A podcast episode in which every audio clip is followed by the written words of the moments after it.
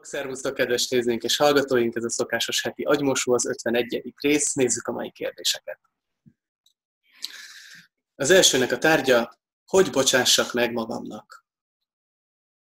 Kedves András és Dani! Évekkel ezelőtt volt egy abortuszom, ami természetesen soha nem fog elmúlni nyomtalanul a lelkemből. Saját gyengeségem volt, hogy az akkori bántalmazó kapcsolatomban ragadva ezt az utat választottam. Azt már soha nem fogom megtudni, hogy mi lett volna, ha akkor másképp döntök, de azt tudom, hogy így mit cipelek magammal egy életen át. Fura érzés, hogy mindehez a világ is asszisztált. Mennyi hasonló történetet meg lehetne előzni, ha egy rossz kapcsolatból való menekülésre ugyanúgy csak a megfelelő ajtón kellene kopogtatni, mint a gyermekünk meggyilkolásához. Mire mindezt leírtam, már a kérdésem sem kérdés, hiszen soha nem bocsátható meg, amikor olyan valakit bántunk, aki nem tudja megvédeni magát. Inkább csak a gondolataitok érdekelnének ezzel kapcsolatban. Köszönettel, S.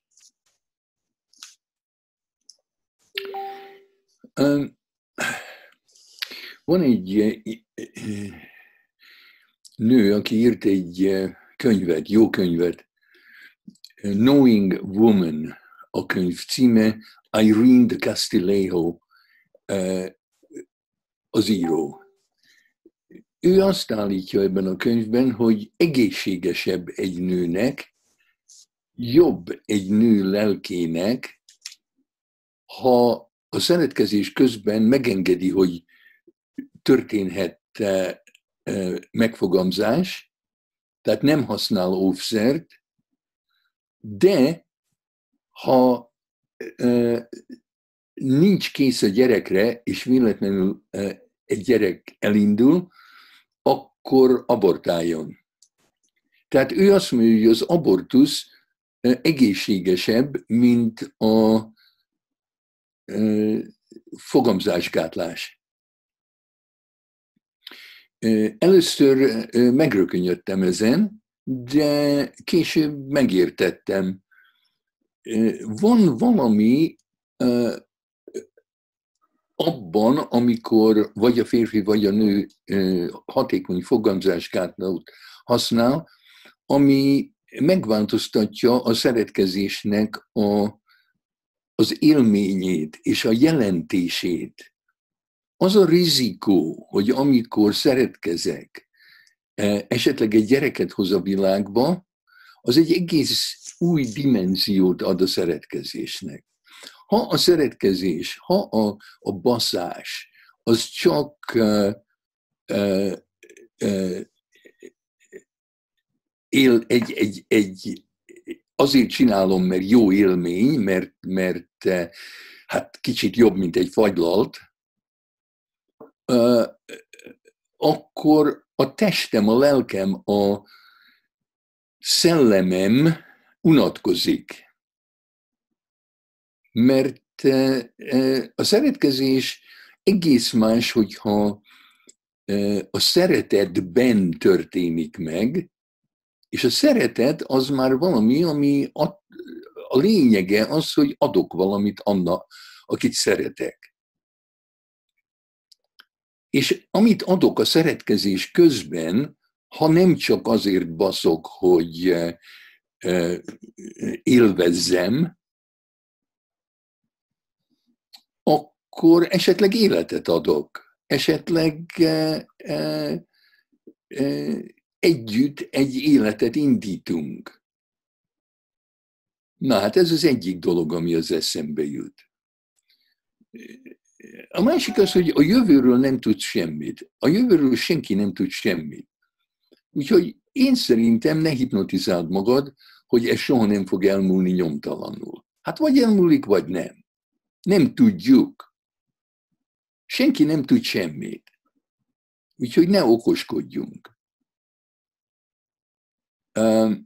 Hát tulajdonképpen mi történt? Valahogy ez, ez olyan, mintha meghívtál volna engem vacsorára, én jövök, és amikor becsöngetek, és kinyitod az ajtót, én belépek, és te az, a, a, a, a pofámba vágod az ajtót, úgyhogy én ott hogy nem tudok bejönni.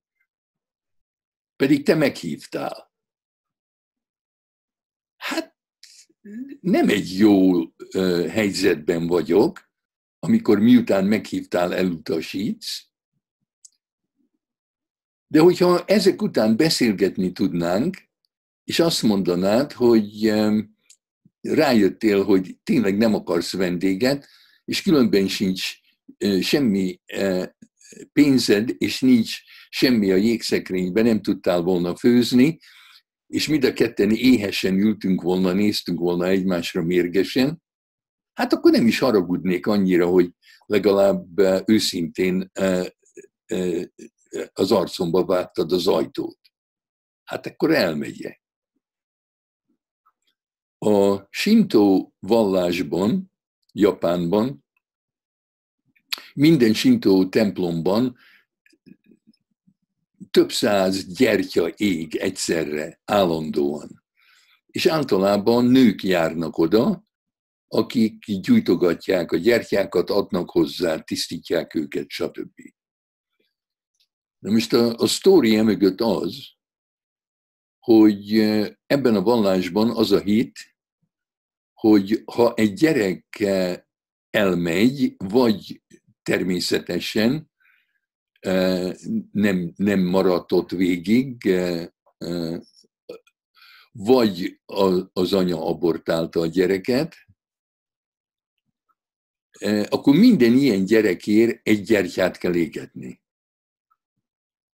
Mert ezeknek a gyerekeknek a lelkük, ha az anya nem tartja velük a kapcsolatot, akkor dühösek az anyára, és büntetik őt mindenféle betegséggel, nehézségekkel, stb. De ha az anya egy gyertyát éget minden gyerekére, akit abortált, vagy aki elszökött tőle, akkor ezek a lelkek az ő segítői lesznek. Akkor, ha, fenntartja velük a kapcsolatot, ha beszélget velük, ha elmondja nekik, hogy miért abortálta őket, ha bocsánatot kér, ha, ha, ha, ha mondom, fenntartja velük a kapcsolatot a gyertyán keresztül, akkor barátok maradnak, és, nem, és segítik őt, nem büntetik őt. Tehát ezek a lelkek megbocsájtanak, csak annyi kell, hogy egy gyertyát éges a gyerekére. Tehát, hogy ez megbocsájtható-e vagy nem, hát majd meglátod. De én ezt javasolnám, hogy esetleg ékes egy kis gyertyát, és a gyertyán keresztül beszélges a gyerekkel. Szép, szép történet volt, meg szépen mondtad el. Nézzük a következő kérdést. A tárgya, van-e visszaút? Kedves András és Dani, szeretnék segítséget kérni. Feleségemmel két éve vagyunk házasok, mindketten hoztunk elő kapcsolatunkból egy-egy fiúgyermeket, és van egy közös 21 hónapos fiunk is. Problémám az, hogy jelenleg a vállás küszöbére kerültünk, mert eltávolodtunk egymástól. Szeretnék megemlíteni pár konkrétumot. Feleségem szemszögéből nézve a probléma. Az idő elteltével egyre kevesebb a szex, intimitás kettőnk között, ami őt nagyon zavarja, bántja, bizalmatlanságra ad okot neki. Heti egy-két alkalom az elvárása, enélkül feszült, ideges, robbanékony lesz, és elkezdi felőrölni a gondolat, miszerint biztos van más nő az életemben, és ő már nem fontos, nem kívánatos, nem érzi nőnek magát, csúnya veszekedésig fajul a dolog. Az én szemszögemből a dolog. Én úgy vagyok vele, hogy ha nincs közöttünk szex csak havonta, hetente, vagy teljesen rendszertelen, az se zavar, nem keresek más örömöt, nem futok máshoz, nem tartozik számomra a legfontosabb dolgok közé ez a része a házasságunknak. Ezen a szakaszán úgy érzem, túl vagyunk az életünknek, hogy ez legyen az alapja a kapcsolatunknak. Inkább a gyerekek rendezése, munka, napi teendők, gondolva a jövőre, hogy nekik minél nyugodtabb, jobb életet biztosítsunk. Én leélném az életem mellette kevés intimitás nélkül is, mert szeretem, tisztelem az életem egyik legfontosabb alappillére. Tervezünk, bár, tervezünk, bármit meg tudunk valósítani, amit csak akarunk, de ez az elbeszélés egymás mellett teljesen éket ver közénk. Vállás szélére kerültünk. Vajon van ebből kiút? És ha igen, mi az, amin tudnánk változtatni? Mi az, amivel lehetne megoldást találni? Üdvözlettel és tisztelettel, D. Hát, ha így megy a dolog, akkor nincs kiút. A kérdés az, hogy van-e beút. Szerintem a szex azért fontos két ember között, aki együtt él, mint házastársak, mert miért lennél valakivel, vagy miért lenne a feleséged veled, ha nem azon dolgoznátok, hanem az lenne a vágyotok, hogy olyan közel kerüljetek egymáshoz, amilyen közel két ember csak kerülhet ezen a földön.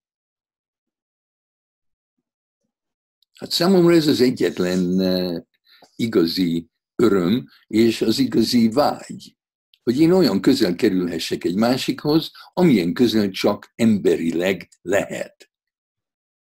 Hát szex nélkül nem lehet valakihez közel kerülni.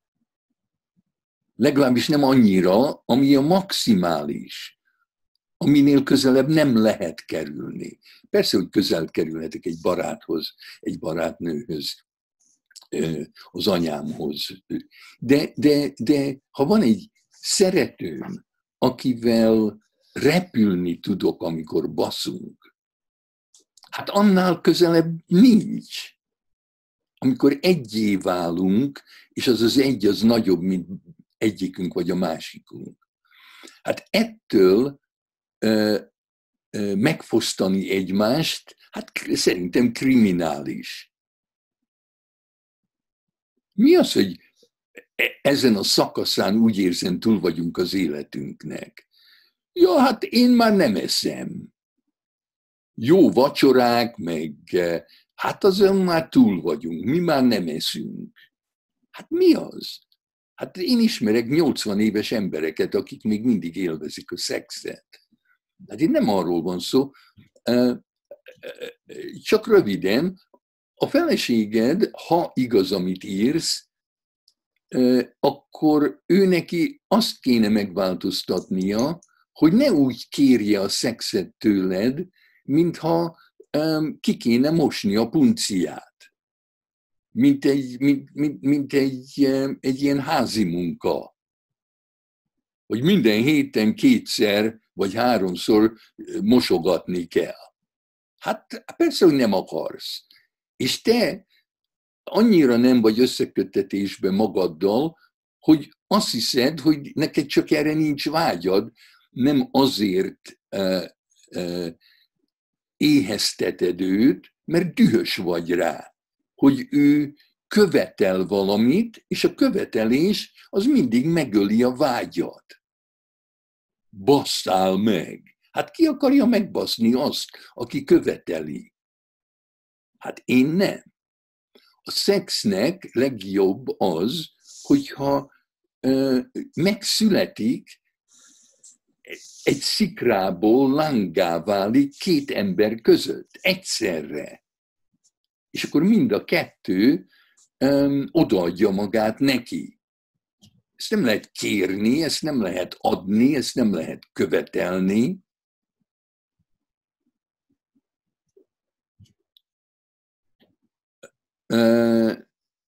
valami miatt nem akartok közel kerülni egymáshoz. Ennek a legfőbb oka az lehet, és meg mit tudom én, én csak úgy mondom, hogy nem akartok tényleg függővé válni egymástól. Mert képzeljétek el, ha minden remek, jól vagytok együtt, minden élvezetes, és még a szex is fantasztikus lenne, és akkor az egyikötek meghal, hát akkor a másik nem is akarna élni. Így van egy ilyen biztosítás, bebiztosítjátok magatokat, hogy ha az egyikötök meghal, akkor nem kell nagyon gyászolni. Mert na hála Istennek, most majd találok valakit, akivel lehet jól baszni. De hát ez nem éri meg, inkább, inkább inkább vállalom a rizikót, hogy meg kell gyászolni azt, aki, eh, akin keresztül a mennyországba tudok, tudom érezni magam, mint hogy hát nekem nem kell a mennyország, azon már túl vagyunk és akkor nem kell sajnálnom, ha elvesztem a másikat. Hát szerintem nektek jó párterápiára van szükség, szükségetek. Kérjétek meg a Danit, hogy, hogy beszéljen veletek. Oké, okay. lehet. Nézzük a mai harmadik utolsó kérdést. Hát illetve ez, ez több kérdés is, egy, egy fő kérdés alágyúrva. Kedves András, szeretnék az általam tudott összes megfogalmazható problémára segítséget kérni. 1. Életem legnagyobb félelme az, hogy csóró leszek és lecsúszott. Tisztában vagyok vele, hogy ezt a családom nevelte belém az évek alatt, de van bennem egy olyan kép, ami ha eszembe jut, hány ingerem lesz is félek. Mégpedig az, hogy az utcán kéregetek. Persze éhes vagyok, és nincs hova mennem, az emberek átlépnek fölöttem, és egy sáros erdőben, egy kurva tákolmányban éldegélek, és tél van. Szörnyű egy világképem ez, és nem szabadulok tőle. Már kipróbáltam a koldulást a főtéren, de nem hozott változást, hogy ne féljek. Kettő. Nem, tudok, nem tudom elfogadni, ha adnak, illetve nem szeretem, ha rám költenek, és én magam is szűkmarkú vagyok. Legboldogabb akkor vagyok, ha senki nem költ semmire, most esett le az, hogy ez a két tulajdonságom nagyon is összekapcsolódik. Három. Képtelen vagyok az emberi kapcsolatok ápolására. Roppant, roppant könnyen ismerkedem, de hamar elvágják magukat nálam az emberek. És ez azt jelenti, hogy nem vagyok szívesen senkivel, és nem találok olyat, akivel szívesen lenni. Utálom a magányt, de még mindig jobb, mint olyan társaság, ahol nem érzem magam jól. Hat iskolába jártam már, és egyikben sem találok igazán olyan emberekre, akikkel jól érzem magam. Egy barátom van, amiért hálás vagyok, mert vele legalább rövid periódusokra jól érzem magam. Nagy kár, hogy ő nem egy vonzó lány. És ez egy nagy problémám, mert nagyon-nagyon vágyom arra, hogy néha-néha megszeretgessen egy olyan test, amihez vonzódom, de 17 évesen még mindig szűz vagyok, pedig már elképesztően régóta vannak szexuális vágyaim. Persze akkoriban sokkal egyszerűbben vélekedtem a témáról, de most már azt hiszem, elviekben sok dolgot tudok, legalábbis többet, mint az átlag. Plusz leginkább a nálam idősebb lányokat szeretem. MGTOW, men going, after, men going their own way vagyok. Mit gondolsz róla? Nem utasítom el a nőket, csak fáj, hogy nem találok párt. És az utolsó négyes. Szomorú vagyok, azt hiszem a szeretet utáni sóvárgásomból születendően. Hiszen utoljára 11 éve a dédmamámtól kaptam igaz feltétel nélküli szeretetet.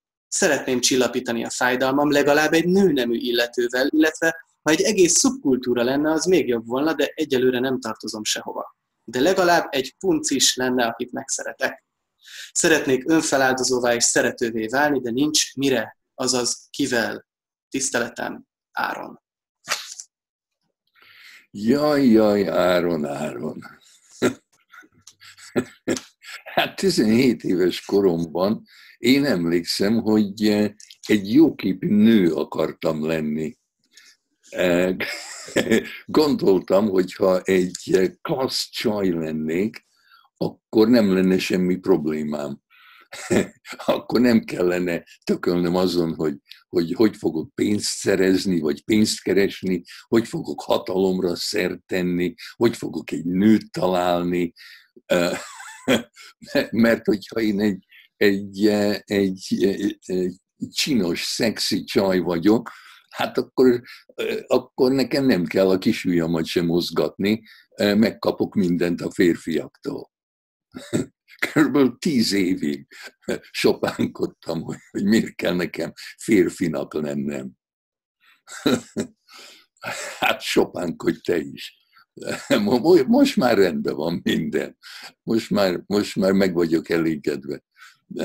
Nem, nem, nem váltanék, még ha lehetne, akkor se. De hát e, e, nem tudok részletesen válaszolni mindenre, de amit, amit, amit gondolok az az, hogy hagyd abba a, a, a fantáziálást. A, a, a fantázia nem az élet. A félelem nem mond semmit se a valóságról. A félelem félelem, a fantázia fantázia. A jövőről semmit nem lehet tudni. Ez nagyon fontos. A jövő ö, megláthatatlan. Tehát nem, hogyha, hogyha úgy be, oda be akarsz tekinteni, nem lehet. Tehát, hogy holnap mi történik, senki nem tudja. De akkor miért, miért vesztegetnél időt azzal, hogy egy ilyen filmet csinálsz, egy Hollywood filmet, hogy csóró leszel, lecsúszott, és akkor ott szenvedni fogsz, meg éhezni, meg fázni fogsz. Tulajdonképpen azzal baszogatod magad, hogy hatalmat soha nem fog szerezni. Hát ne szugeráld be magadnak, miért ne szereznél hatalmat? Azoknak, akiknek van hatalmuk, azok miért mások, mint te? Azok is úgy kezdték, hogy nem volt hatalmuk. Mindenkinek meg kell szerezni magának azt a hatalmat, amire szüksége van ahhoz, hogy azt csinálja, amit akar, és ne csinálja azt, amit nem akar. Hát ezen tökölsz, mindegyik kérdésed erről szól hogy fáj neked, hogy nincs hatalmad. De hát soha nem lesz hatalmad, ha a félelmeiddel és a negatív fantáziáiddal foglalkozol. Menj ki a világba. Keressél embereket. Menj Spanyolországba, menj Dél-Amerikába. Mit tudom én? Gyere Kanadába. Nézd körül. A másik dolog az, hogy a szeretetre nem szabad várni. Akármi is van, senki nem tud téged meggátolni abban, hogy te szeressél valakit. Az adáskapásról annyit, hogy én úgy szerethetek valakit, hogy adok neki valamit. Én most szeretlek téged, mert adok neked valamit. És tök mindegy, hogy nekem nem ad senki semmit, tök mindegy, hogy én soha nem kaptam semmit esetleg, én mindig tudok adni. Tehát, hogyha kimész a világba, és elkezded szeretni az embereket, akkor hülye lenne az, aki nem szeret téged vissza. Na most egy kicsit komplikáltabb ez az adás, mert mielőtt én adok valamit valakinek, megismerem, hogy olyat adjak neki, amit ő, aminek ő örül. Tehát nem, én, én emlékszem, hogy a mostoha anyám, amikor egyszer egy héten meglátogattam az apámat, mindig rám tukmált valami ajándékot. De amikor sétáltam haza Pestről Budára, a Margit hídon, akkor mindig bedobtam a Dunába, amit nekem adott mindenféle szart adott, ami nekem nem kellett. Hát ő nem szeretett engem, ő neki csak színpadi szüksége volt arra, hogy úgy tűnjön, hogy nekem adjon. Hát kell a francnak. Tehát, hogyha valóban szeretsz valakit, akkor érdekel téged a másik úgy tűnik, hogy te, a te saját gondjaid jobban érdekelnek téged, mint bárki más, mint a világ. Hát én arra szeretnélek bátorítani, hogy menj ki a világba, és csinálj úgy, mintha a szíved a nap lenne, és ragyogj mindenkire az is eszembe jutott arról, ahogy beszéltél, a szeretettel kapcsolatban, az etika, hogy, e, hogy azt is szoktad mondani, hogy az, az, az magánügy, vagy legalábbis az egyoldalú. Azzal kell törődnöm, hogy nekem mit kell tennem a másikért, nem azzal, hogy a másiknak mit kell tennie, értem? Igen. És az, abban senki nem tud engem meggátolni. És akár szeretett az anyám, akár nem, akár uh, traumatizáltam volt, voltam, akár majdnem megöltek, szétbaszták a seggem, na és akkor is tudok ma szeretni, ha, ha elhatározom. Oké. Okay. Köszi szépen, András. Legközelebb találkozunk jövő héten. Veletek is, kedves nézőink. Sziasztok!